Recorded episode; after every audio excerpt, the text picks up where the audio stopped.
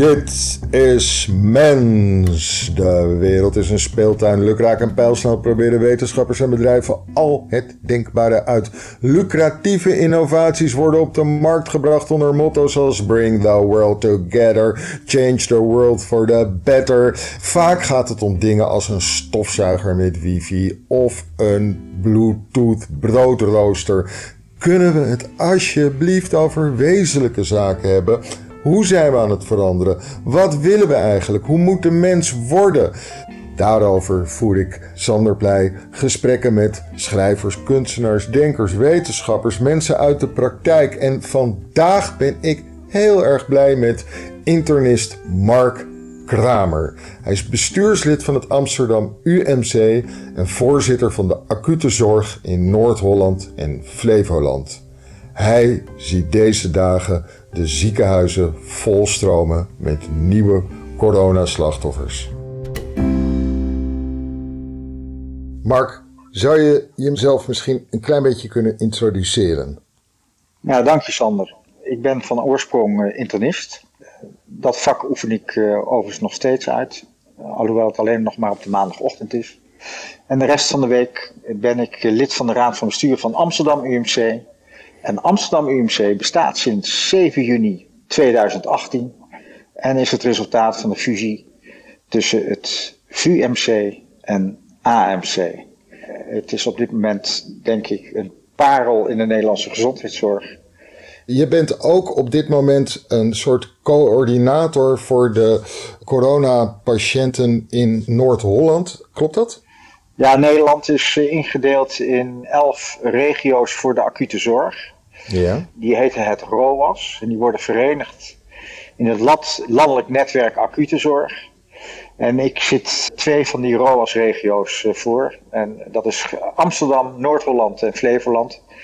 En dat ROAS is verantwoordelijk voor uh, de acute zorg voor 3,5 miljoen Nederlandse burgers. Ik wil het graag met je hebben over wat je hebt geleerd van die eerste golf en hoe je dat in de praktijk brengt nu. En ook wat het, je, leert over je, hele opvattingen over de zorg en hoe we in de toekomst om moeten gaan met, met, met de keuzes die we in de zorg moeten maken. Ik was zo benieuwd hoe het ging toen je begin dit jaar doorkreeg: mensen, dit gaat fout. Ja, net was in februari eind eh, februari. Toen ging het in Italië los. Ja. En uh, ja, toen roken we het alleen maar op een afstand. In januari in, in China. En daar gebeurde opeens in die, eh, die stad Wuhan. Zag je beelden van zieke auto's die naar ziekenhuizen racen. Daar doodzieke patiënten uitladen. En dan opeens de uitbraak in Italië waar direct een dorpje of een aantal dorpen werden geïsoleerd met het leger eromheen. Dat leek allemaal nou adequaat. Die Italianen die uh, nemen meteen de goede maatregelen. En dan Bergamo en Milaan. En voordat er nog zijn eerste patiënt in Nederland eh, werd gediagnosticeerd, zag je dat daar in hele korte tijd eh, patiënten met COVID-infecties doodziek werden opgenomen in het ziekenhuis alarmbellen gingen af. Bij jou ook? Ja, bij, bij mij ook. En ik werd gebeld door een van de chirurgen. Die zegt: Ik heb een, een hele goede vriend van mij. Is hoofd van de, acute, van de acute zorg in een van de grootste academische ziekenhuizen in Milaan. Ja. En je mag hem bellen. Dus ik heb toen uh, die Italiaan gebeld. En die kwam echt met een alarmerend verhaal dat uh, opeens binnen een week tientallen patiënten dat, dat ziekenhuis overstroomden. En dat een heel deel van die patiënten eigenlijk direct of vlak na dat ze in het ziekenhuis waren opgenomen, door moesten uh, naar de intensive care. Omdat ze geweldig grote ademhalingsproblemen uh, kregen. En dat ze het eigenlijk amper aankonden. Dat het dus een overval was. Ja. ja, die mededeling kwam in feite een week voordat het in Nederland losging. Dit was eind, eind februari dus? Ja, de eerste Nederlandse patiënt is gediagnosticeerd op 29 februari. Aha. Nou, en zeg maar binnen twee weken stond Brabant in brand. Ja, maar ik wil nog heel veel van jou horen. Hoe een week daarvoor ongeveer uh, spreek jij die man in uh, Milaan. Op dat moment heb jij je fusie geleid tussen twee ziekenhuizen. Uh, je hebt daardoor veel nagedacht over de zorg, over de toekomst van de zorg, over wat, wat wenselijk is, hoe we omgaan met het geld in de zorg. Maar je hebt, neem ik aan, een goed gevoel over de korte termijn zorg in Nederland. Je denkt, dit soort dingen moeten wij aankunnen. Is dat jouw gevoel op dat moment? Nee, dat is niet mijn gevoel op dat, op dat moment. Want ik wist al langer dat we in Nederland zo super efficiënt werken. Ja. Dat bijvoorbeeld de, de influenza, de gewone griepgolf in 2018, ja. die uh, ernstiger was dan gemiddeld. Dat we toen eigenlijk al capaciteitsproblemen hadden. En niet alleen in Amsterdam, maar op vele plekken in Nederland. Eh, dus ik realiseerde me heel erg goed dat we in Nederland, eh, wat dat betreft, op het scherpst van de snede werken. In die zin dat het aantal beschikbare IC-bedden of beschikbare ziekenhuisbedden al ja, echt tot een minimum was teruggebracht. En dat is op zich voor een normaal aanbod is dat voldoende. Ja. Maar als er iets gebeurt wat buiten het normale ligt, is dat onvoldoende capaciteit. Nou, dat is nu natuurlijk uh, heel, erg, heel erg duidelijk geworden. Ja. Dus die week denk jij, dit kan wel eens verkeerd gaan? Ik dacht toen ik die verhalen hoorde uit Milaan, van dat kan wel eens inderdaad, als dat ons ook gaat overkomen, dan komen we echt in de problemen. Hmm. En dan neem ik aan dat zodra dat iedereen in de zorg dat merkt en die, die shock doordringt, dat iedereen dan zijn, alles uit de kast haalt en zijn beste beentje voortzet. Dus- en dat het dan even heel goed lijkt te gaan? Dat is vanaf 13 maart gebeurd. Dus vanaf 13 maart is althans voor Amsterdam, Noord-Holland en Flevoland is de crisisorganisatie gestart. En werkt dat goed in het begin? Heb je, had je daar een, een, goed gevoel van? van zijn we, als we namelijk zo op het scherp van de snede werken, als we zo weten dat we spelen met winstmarges en zo, althans uh, zorgen dat we zo weinig mogelijk uitgeven, dan moeten we wel de consequentie daarvan ook in de gaten houden. Namelijk dat als er wel een crisis ontstaat, dat we dan allerlei lampenplannen klaar hebben. Was dat het geval? Ja, dat was het. Dat was zo. Uh, ja.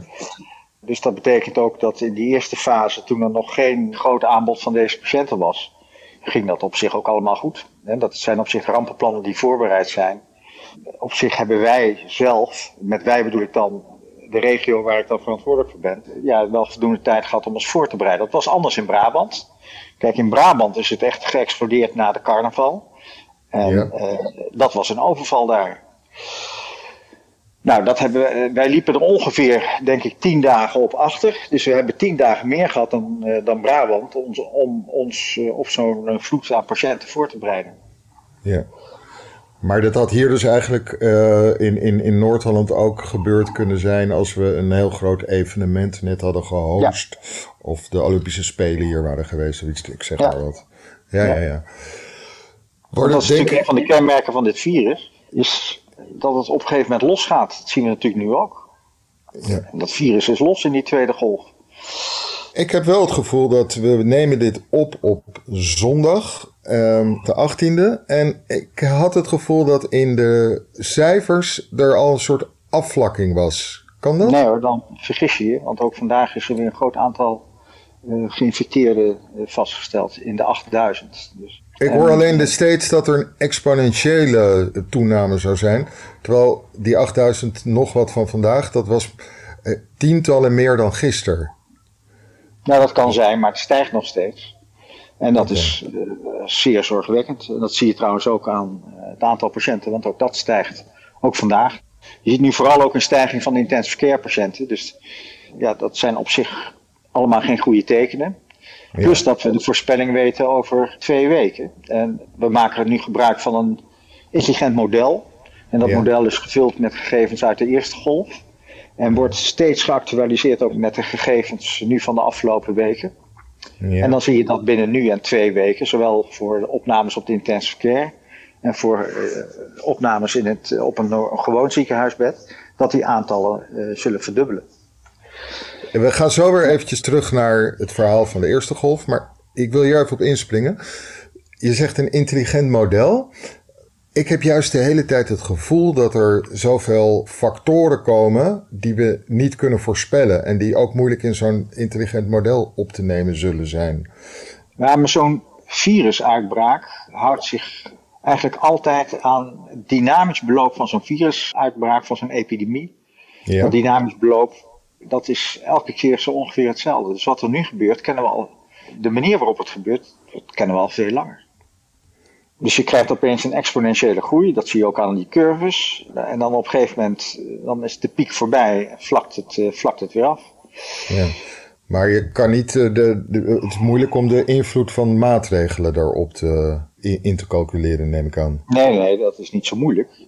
De maatregelen zijn er heel erg op gericht om het aantal ontmoetingen eh, en bewegingen van mensen te beperken. Ja. Om daarmee het aantal besmettingen naar beneden te brengen. Ja, maar kon je dat, denk je, makkelijk toerekenen aan maatregelen bij de eerste golf, vroeg ik me af. Dus eh, er werden verschillende maatregelen genomen. En ik vroeg me zo af of je kon zeggen van ja, deze afname nu ligt aan die maatregel. Nee, niet aan uh, één maatregel zelf, maar aan uh, de optelsom van maatregelen. En met het netto-effect ontmoetingen verminderen en bewegingen verminderen. Dat is de truc. Ja, gewoon en overigens, is dat, overigens is dat al, al, al een eeuw bekend. Hè? Want dat, als je kijkt naar uh, de dynamiek die bijvoorbeeld de Spaanse griep heeft gehad. Dat is wel een ander virus, hè? maar toch heel veel raakvlakken. Mhm. Daar zag je ook dat alleen maar dit soort maatregelen hielpen om die epidemie uh, weer enigszins in de hand te krijgen. Ja, ja jullie hebben het in het begin in de hand. Uh, althans, sorry, in de hand. Ik bedoel, de, de, rampenplannen gaan beginnen te werken. Het crisisteam wordt uh, geformeerd. Het loopt. Uh, gaat dat vlak voor de politiek uit? Of is dat vlak nadat de politiek in actie komt? Nee, dat besluit is genomen niet doordat de politiek er iets over heeft gezegd. Dus zoals ik net al zei, als je het in de tijd zet, op vrijdag de 13e, hè, vrijdag 13 maart, zijn wij in crisismodus gegaan in het gebied waar we nu over praten. Terwijl de lockdown door het kabinet op vrijdag 23 maart is uh, afgekondigd. Dus dat is gewoon tien dagen later. Wat dat betreft zagen we de ernst van de zaken al tien dagen eerder in. En dat is maar goed ook, uh, uh, want daardoor is er in ieder geval in Amsterdam, Noord-Holland en Flevoland geen panieksituatie geweest. Al die ziekenhuizen zijn zich gaan voorbereiden en hebben formidabel aantal patiënten in die tijd kunnen opvangen. Uh, waar de maatregelen die de politiek uiteindelijk afkondigde, vanaf 23 maart, ja, die, die kwamen natuurlijk laat. Zoals nu ook weer te laat is. Hebben we daarom daar niks van geleerd?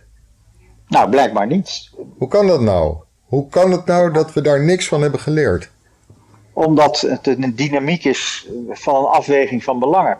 Ik kan wel een mooi voorbeeld geven. Kijk, alle alarmbellen gaan nu ook in Duitsland af. Ja.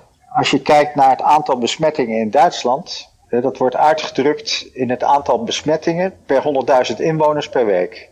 Ja. In Duitsland hadden ze de grens gelegd, als het boven de 50 besmettingen per 100.000 inwoners per week komt, dan gaan we ingrijpen.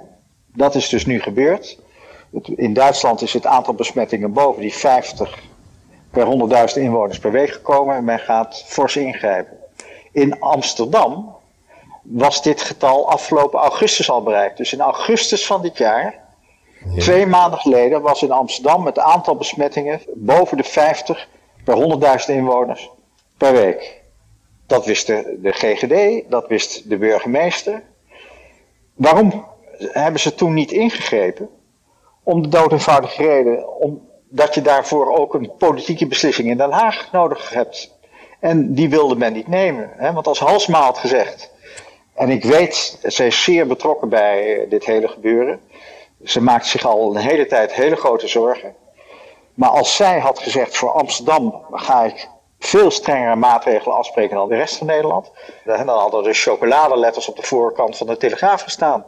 Dan was ze geslacht. Dus wat er nu gebeurt in de afgelopen maanden in die hele discussie is dat er in mijn ogen een schijnbare tegenstelling wordt gecreëerd over de zogenaamde gezondheidsbelangen versus de economische belangen. Die liggen in verlengde met elkaar. En zo zie je Duitsland ook reageren. Zo hoor je Merkel ook spreken. Merkel zegt van als we nu niet streng zijn, betekent het dat we over maanden of een half jaar een heleboel arbeidsplaatsen voor jongeren verliezen. Met andere woorden, als je dit virus loslaat, als je het niet goed beteugelt, geeft het een veel langere tijd van onzekerheid en geeft dat veel meer economische schade. Die redenering uh, die volg ik. Ik denk dat dat ook de juiste is en dat geldt natuurlijk net zo voor Nederland. Dit virus is maatschappelijk ontwrichtend omdat het in korte tijd een heleboel mensen ziek kan maken. En als het een heleboel zijn, dan worden daar een percentage heel erg ziek van. Daardoor ga je het zorgstelsel onder druk zetten. Maar daardoor uh, veroorzaak je ook dat er, dat er allerlei leraren uitvallen. En dat de lagere scholen wat dat betreft niet meer kunnen functioneren. Dat gaat ervoor zorgen, dat is letterlijk ook gebeurd in Amsterdam, dat een brandweerkazerne een haard van infectie is. Maar als er drie brandweerkazernes zijn, heb je geen brandweer meer in Amsterdam. Dat is het maatschappelijk ontwrichtende van dit virus, omdat we er geen uh, brede uh, afweerimmuniteit tegen hebben. En er zijn allerlei mensen die dit ontkennen. Dus die zeggen, ach, dat griepje, die uh, leraren die hadden best wel door kunnen werken. Uh, het zijn mensen die kranten verspreiden. Daar heeft u thuis ook uh, al eentje in de bus gekregen? De andere krant? Nee, ik nog nee? niet. Nee? Er zijn wel op het ziekenhuis ook allerlei pamfletten uitgedeeld. Ja. Die een totaal andere mening verwoorden. Ja. het valt mij op dat als ik in. Ik, ik, stond gisteren in een winkel en daar hoorde ik twee meisjes van, ik denk zo tussen de 25 en 30, hoorde ik daar met zilverveel gelijk in hun stem verkondigen hoe belachelijk het soort meningen. Hè, wat uw waarheid is voor hen een mening. Uh, is en dat zij jongeren toch allemaal heel goed hebben gedaan en toch niet heel erg ziek worden en alleen maar moeten zorgen dat ze uit de buurt van uh, oude mensen blijven en dat ook zullen doen. Ik heb het gevoel, als ik je verhaal nu zo hoor, dat dat een beetje de mening is die ook in uh, dikke chocoladeletters op de Telegraaf zou kunnen staan. En is daar dan eigenlijk toch een heel klein beetje naar geluisterd in Amsterdam toen de burgemeester niet meteen in kon grijpen? Nee, ik denk dat dat vooral de overwegingen in Den Haag zijn geweest. Maar de burgemeester had zelf dat toch kunnen, heel hard kunnen roepen naar Den Haag? En, en... Dat heeft ze denk ik ook gedaan. Maar dat hebben wij niet, gehoord. Niet een, nee, niet met een roeptoeter, maar wel via andere kanalen. Maar wat zeg je uh, als je zelf uh, in, in, in de boodschappen doet en je hoort iemand dit soort, soort dingen vertellen? Hoe ga je daarmee om? Nou, ik zie geen tegenstelling tussen het gezondheidsbelang en het economisch belang, want dat ligt in verlengde van elkaar. Dat als je chaos creëert, en dit virus kan chaos creëren, omdat het in korte tijd heel veel mensen ziek maakt. De merendeel heeft er dan weinig, of in ieder geval hanteerbare klachten bij. Maar omdat het, het gaat om het grote aantal, het gaat om de wet van de grote getallen. Als het er een heleboel zijn, dan is er een bepaald percentage echt heel erg ziek van. Ja. En dat zien we nu ook weer gebeuren. Die moeten opgenomen worden in een ziekenhuis. En daar, een deel daarvan komt aan beademingsmachines te liggen op de intensive care. Maar percentage zieken vertaalt zich ook voor andere organisaties in allerlei ontwrichting. Zoals ik net al zei. Als de helft van politiekorps uitvalt, dan kun je geen orde meer handhaven in de stad. Er kan criminaliteit losgaan. Ik speel even de advocaat van de duivel. Maar zij zeggen dus, ja, maar die politieagenten en die uh, schoolleraren, die krijgen het helemaal niet. Of en als ze het wel krijgen, zijn ze hooguit twee dagen een beetje ziek zoals ze anders ja, wanneer griep hebben. Ja, dat, is, gewoon niet waar. Nee. Oké. En ook dat weten we natuurlijk uit het verleden. Als je goed naar het verleden kijkt, dat is ook al bij de Spaanse griep bewezen. Daar zijn ook economische studies gedaan de steden die strengere maatregelen, of gebieden die strengere maatregelen hadden afgekondigd, dat is met name in Amerika gedaan, hadden een veel eerder economisch herstel dan steden of gebieden waar het veel minder strikt, waar het losgelaten werd. Oké. Waarom gaan we niet allemaal drieënhalve week echt in totale lockdown? Ja, dat zou kunnen. Dan, maar daarna dan opstarten, op een, niet op de manier waarop het nu is gebeurd, dus na mei, of juni, wat was het, juli. Maar opstarten, gedisciplineerd opstarten. En als ze dat met z'n allen zouden doen, gewoon de basisregels, hou anderhalve meter afstand, was je handen, En als je klachten hebt, laat je testen. En als je dan positief test op het virus, moet je gewoon tien dagen thuis blijven. Maar als ik nu lees in de krant dat positief geteste mensen, dat 10 à 20 procent daar geen snars van aantrekt en toch gewoon naar buiten gaat of uh, anderen ontmoet. Ja, dat is natuurlijk echt verbijsterend. Ja. Als je nu een hele strenge lockdown zou afkondigen, dan zie je daar ook snel resultaat van. En als je daarna dan met verstand weer meer toelaat en iedereen uh, gewoon flegmatiek zich aan die afspraken houdt, dan kun je de horeca open houden met strikte protocollen. Dan kun je naar het theater toe. Ik kan dat voorbeeld geven. Ik ben vorige week nog naar de kleine komedie geweest. Een strikt protocol werd daar gehandhaafd. Daar is echt helemaal niemand geïnfecteerd geraakt. Maar de komende zes weken wordt me dat ontnomen. Dit klinkt een beetje alsof er een beter plan mogelijk is dan wat we nu doen. Kijk, wij zijn het virus. Een virus kan alleen maar overleven doordat het zich nestelt in een mens of in een dier. Een virus is in dit geval een stukje RNA, heeft geen eigen machinerie om zichzelf te onderhouden, is dus totaal afhankelijk van de machinerie waarin het zich in de buurt kan nestelen. Nou, hoe doet zo'n virus dat? Zo'n virus komt binnen, nestelt zich in de neus, of in de keelholte, of in de longen, gaat daar in cellen zitten en bindt zich dan aan het, het, het cellulair DNA en gaat dan gebruik maken van alle machinerieën die zo'n cel heeft. Het vermeerdert zich dan, dan treedt het die cel weer uit om dat lichaam weer te verlaten en kan zo weer anderen infecteren. Dus wij zijn zelf het virus. Wij verspreiden het. Ja. Het is niet het virus tegen ons, nee, wij zijn het virus. Ja. Dus de enige manier om het in bedwang te krijgen is dat we onszelf wat dat betreft disciplineren. Totdat er voldoende weerstand is of een goed vaccin is. En je dus wat dat betreft je veel meer vrijheid kunt veroorloven. En toch begreep ik uit wat u net zei, dat bij dat uh, zelfdisciplineren en, en uh, beteugelen, je een aantal dingen wel zou kunnen doen die we nu niet doen. Zoals er zou uiteindelijk wel horeca-bezoek mogelijk zijn op een goede manier. En er kan wel naar een concert worden gegaan op een goede manier. Dat is wat ik zeg. Maar dat betekent wel dat je aan die basismaatregelen, die ik net al noemde, en dat zijn er niet zoveel. Hè, die anderhalve meter is vele malen belangrijker dan een mondkapje. Anderhalve meter afstand, goed handen wassen, goede handhygiëne. Als je klachten hebt, thuis blijven, Totdat je weet dat die test negatief is. En als die positief is, ga je tien dagen in quarantaine. Oké, u zei het, het M-woord werd genoemd, het mondkapje. Ik heb trouwens nog het gevoel dat er misschien ook nog wel één, ik zeg gevoel hè, waar ik zelf nog wel een beetje op let is in een kleine, niet geventileerde ruimte zitten op twee meter afstand van iemand twee uur, vind ik zelf ook niet echt heel handig. Nee, dat, ook dat is, dat is juist wat je zegt. Slechte ventileerde ruimtes geven ook echt een hoger risico. Oké, nou dan terug naar het M-woord. Eén e, dingetje vragen over die eerste golf. Bij de eerste golf, op een gegeven moment komt Rutte op televisie. Uh, wordt, uh, leren wij uh, meneer Jaap van Dissel kennen. En één moment was ik heel erg blij en had ik heel erg wat een fijn gevoel van die misplaatste Nederlandse trots, waar je achteraf weer voor rot voor schaamt. Van hey, wij gaan dit oppakken met de wetenschap voorop. Dat wordt onze leidraad. Wij gaan naar de wetenschap luisteren. Dat vond ik een, een heel mooi moment, heel geruststellend eventjes. Alleen Achteraf denk ik, misschien hebben we op dat moment een beetje zijn we vergeten te vertellen dat de wetenschap ook maar voortschrijdend inzicht is. En gingen wij iets te snel uh, roepen, namen wij nieuwe ontdekkingen in de wetenschap te snel voor waar aan, of, of enige waarheid aan, en hadden we helemaal niet bedacht dat dat ook weer ging veranderen. Zo herinner ik me twee dingen die al heel snel werden gezegd.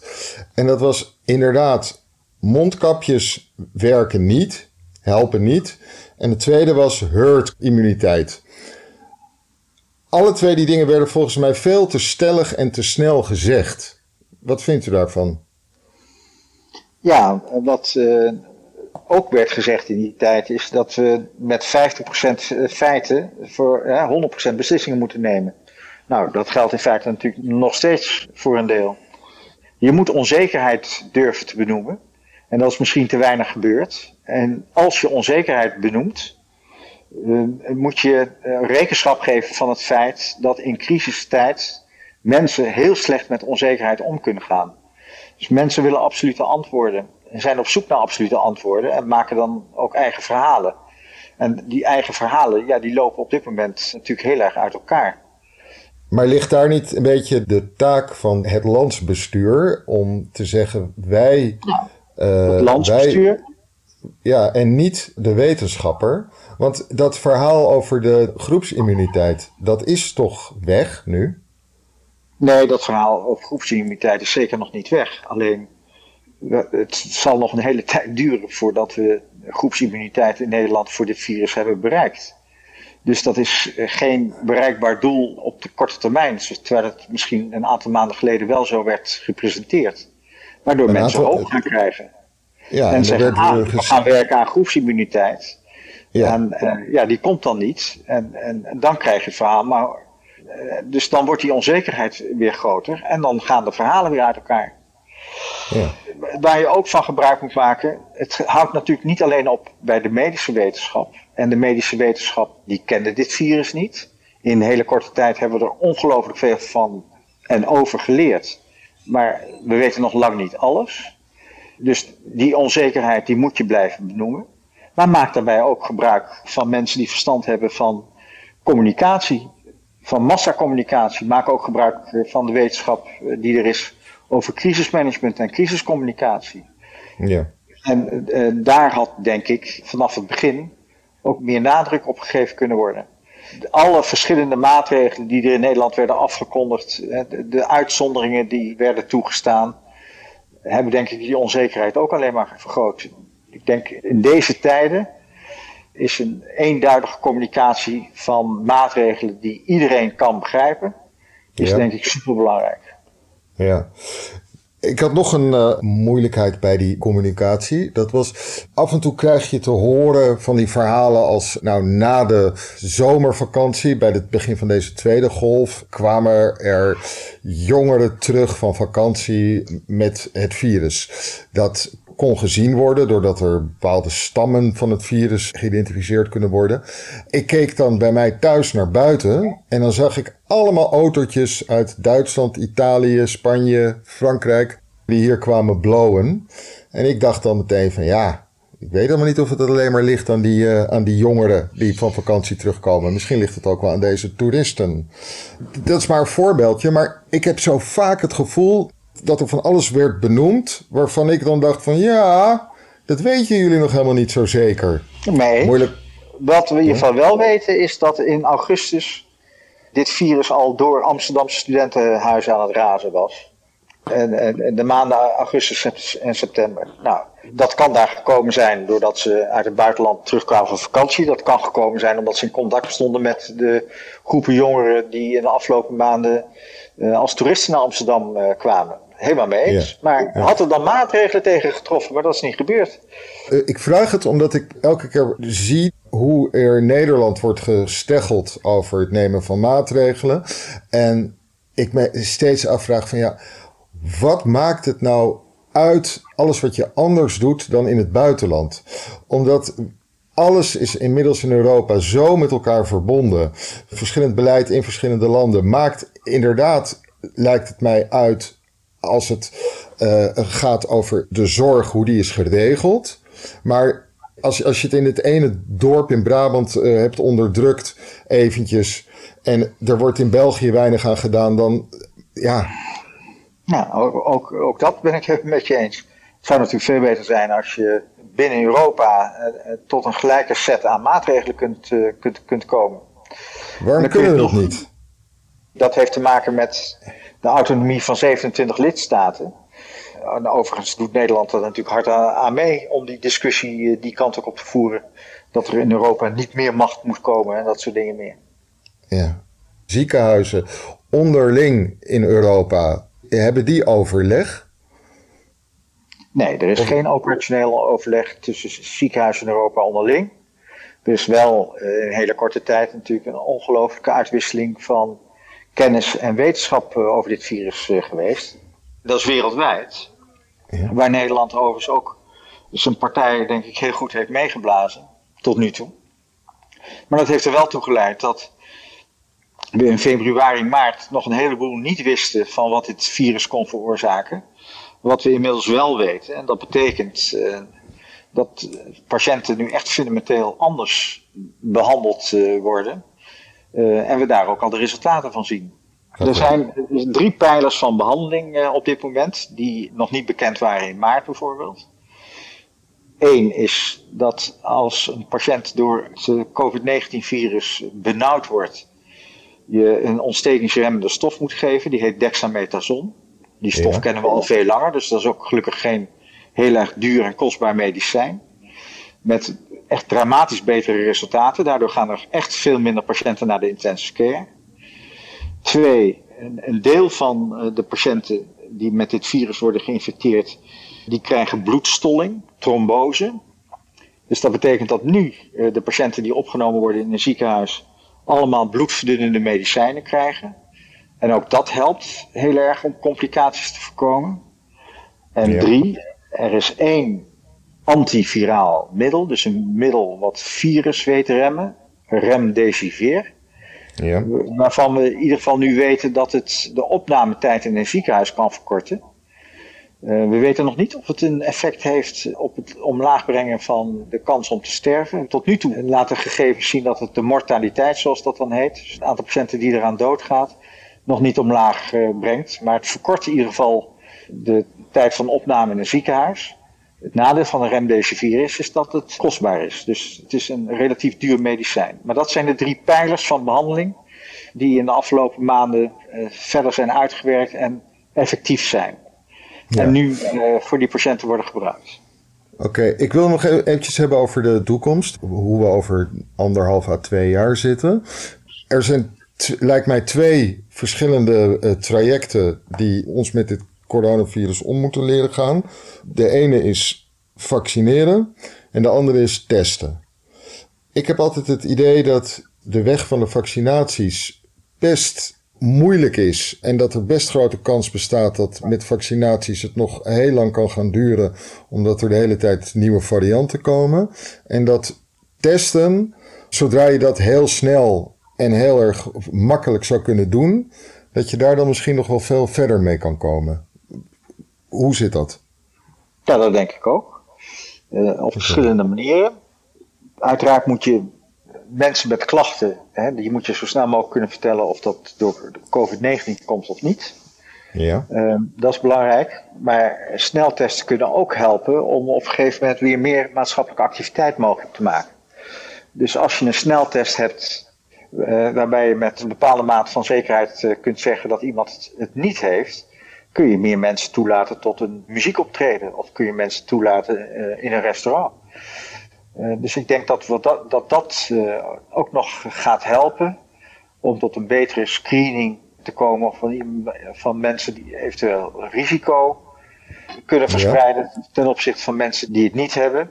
Dat we daardoor met elkaar meer kunnen doen. Ja, en vaccins is een. Is een, een, is een absolute noodzaak om in de populatie hè, van, van het virus af te komen. Maar lijkt mij ook uh, een moeizame weg. Nou, moeizaam in die zin is dat er nu een topprestatie wordt geleverd. Want uh, waar tot deze epidemie ontwikkeling van een vaccin over het algemeen drie, vier, vijf jaar nam, zie je dat er nu in hele korte tijd grootschalig onderzoek aan de gang is om te kijken of er een werkzaam vaccin ingezet kan gaan worden. Alleen, daar weten we nog lang niet alles van. Waar nu naar gekeken wordt is of het vaccin werkt en of het vaccin veilig is. Ja. Uh, maar in de praktijk zal moeten worden uitgevonden hoe lang dat vaccin dan bescherming geeft. Of één gift van een vaccin voldoende is, of dat je twee giften moet geven. En wat we nog moeten leren is van hoe lang heeft het al soelaas? Of moeten we dat uh, bijvoorbeeld na een jaar weer aan iedereen gaan geven? Dat zijn allemaal vragen die nog openstaan. Ja. Maar kijk, de fase van onderzoek waar we nu in zitten is hoe goed is het en hoe veilig is het? Nou, wat je erover hoort en leest is dat aan het einde van dit jaar daar de eerste grootschalige resultaten van bekend zijn. Nou, dat betekent als het dan veilig is en werkzaam, ja, dat betekent dat je dan in de eerste helft van volgend jaar dat je het eh, kunt gaan toepassen. Maar je hebt het wel over een wereld waar, 17, waar 7 miljard of wat is het, 8 miljard mensen wonen. Dus dat zal eh, stapsgewijs uh, zal het over de wereld heen geïntroduceerd gaan worden. Dus dat betekent niet dat iedereen nu in de eerste helft van 2021 het vaccin toegediend zal krijgen, is mijn verwachting. Dus dat neemt gewoon tijd. Ik ben ook benieuwd hoeveel, hoeveel Nederlanders het vaccin willen nemen. Ja, maar dan heb je echt, uh, dan heb je je ogen gesloten voor wat we al veel en veel langer kennen.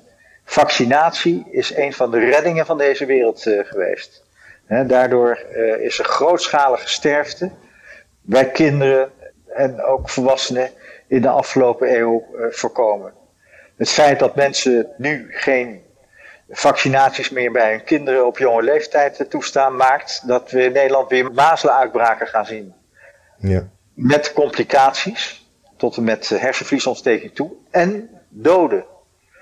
Terwijl we al zo lang weten dat het een hele veilige vaccinatie is. Geen enkele vaccinatie gaat zonder bijwerkingen gepaard.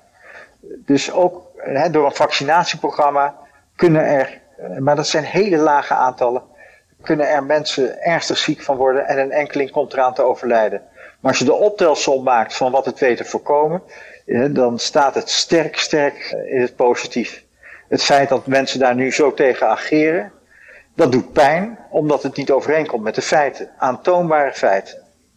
En het betekent dat je straks moet gaan bedenken: wat doe ik met de mensen die zich niet willen vaccineren? Als je niet wil vaccineren, dan moet je ook staan voor de consequenties. Nou, maar dan, dan krijg je weer de wind uh, van voren. Ja. Wat heeft dit veranderd aan je eigen beeld van je vak? Heeft dit eigenlijk je, je belangrijkste opvattingen bevestigd? Ik kan mij bijvoorbeeld voorstellen dat je vertelde aan het begin van dit gesprek dat je vond dat de zorg, dat het alles op het scherp van de snede gebeurde, heel krap gebudgeteerd. En dat we dat op zo'n moment als dit merken ik neem aan dat je ook allerlei andere overwegingen altijd over je vak hebt. Die gaan over wanneer help ik een patiënt, uh, hoe lang is uh, het goede leven. Zijn die opvattingen veranderd? Ik zal uh, een grote en een wat kleinere overweging met je delen. Dus twee. Ja. Eén is over die, gewoon als je puur kijkt van hoe is de Nederlandse gezondheidszorg opgebouwd, kwalitatief en wat capaciteit betreft. Nou, ik denk dat we een kwalitatief hele goede gezondheidszorg uh, hebben.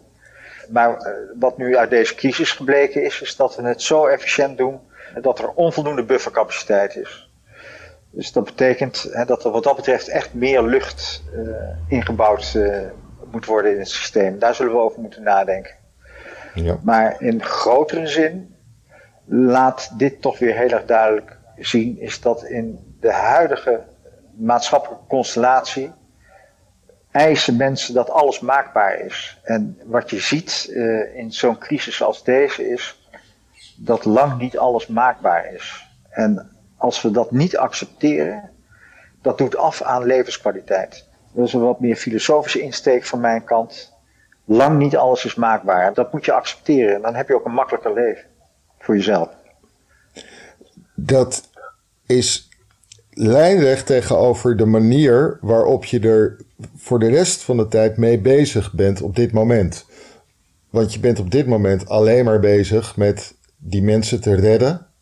En ze in, in, in een eh, coma te brengen om ze maar te kunnen beademen. En... Ja, maar dat is niet waar, Sander. Want in Nederland, als je het groot, echt een verschil tussen bijvoorbeeld wat er in Nederland gebeurde, ook al in de eerste golf, ten opzichte van bijvoorbeeld Italië, is, is dat in Nederland is de discussie mogelijk dat de huisarts met een 85-jarige gaat praten van wat wilt u nog? Wilt u hè, wel aan zo'n beademingsmachine komen? Want hè, beademing op intensive care is ter overbrugging van iets. En je moet het dus over die overbrugging hebben. Als er niks te overbruggen valt, dan is het heel onverstandig om uh, beademd te worden. Ik heb een Italiaanse collega gesproken uit Rome, die beren trots was dat hij een 103-jarige had geïntubeerd en aan een beademingsmachine had gelegd. Ja, dan is alles maakbaar. In Nederland, denk ik, zou een andere beslissing zijn uh, genomen. en dan hopelijk natuurlijk in samenspraak met uh, zo'n patiënt. En dat bedoel ik met maakbaar. Dan accepteer je dat niet alles maakbaar is. En accepteer je dus ook het, het vaten met lot. Nou, en dat, dat vind ik voor mezelf ook een belangrijke levenshouding. Dat kunnen wij in Nederland dus eh, wel een beetje goed. Nou, in ieder geval beter. Dit, dit, nou, ik, nou, ik geloof niet zo geweldig in het superioriteitsgevoel. Interessant artikel vorige week zaterdag in de NRC van Hans Tekete. Die zegt, waarom doen wij het nu opeens zo slecht? En daarbij haalde dat wij een, een, een heel erg superieur gevoel in Nederland hebben. Alsof we alle dingen altijd heel erg goed doen. En dat in die superioriteit uh, we onszelf voorbij gerend zijn. En gewoon niet aanvaard hebben wat we hadden moeten doen. En ook dat heeft met die maakbaarheid te maken. Ja, dat begrijp ik. Ik vind het een mooi einde van dit gesprek. Ik ga in nadenken over mijn eigen sterfelijkheid. En ik hoop dat de andere luisteraars van Mens dat ook gaan doen. Mag ik je ontzettend hartelijk danken? Graag gedaan, Sam. En heel erg veel sterkte toegewenst uh, de komende dagen weer. Dankjewel.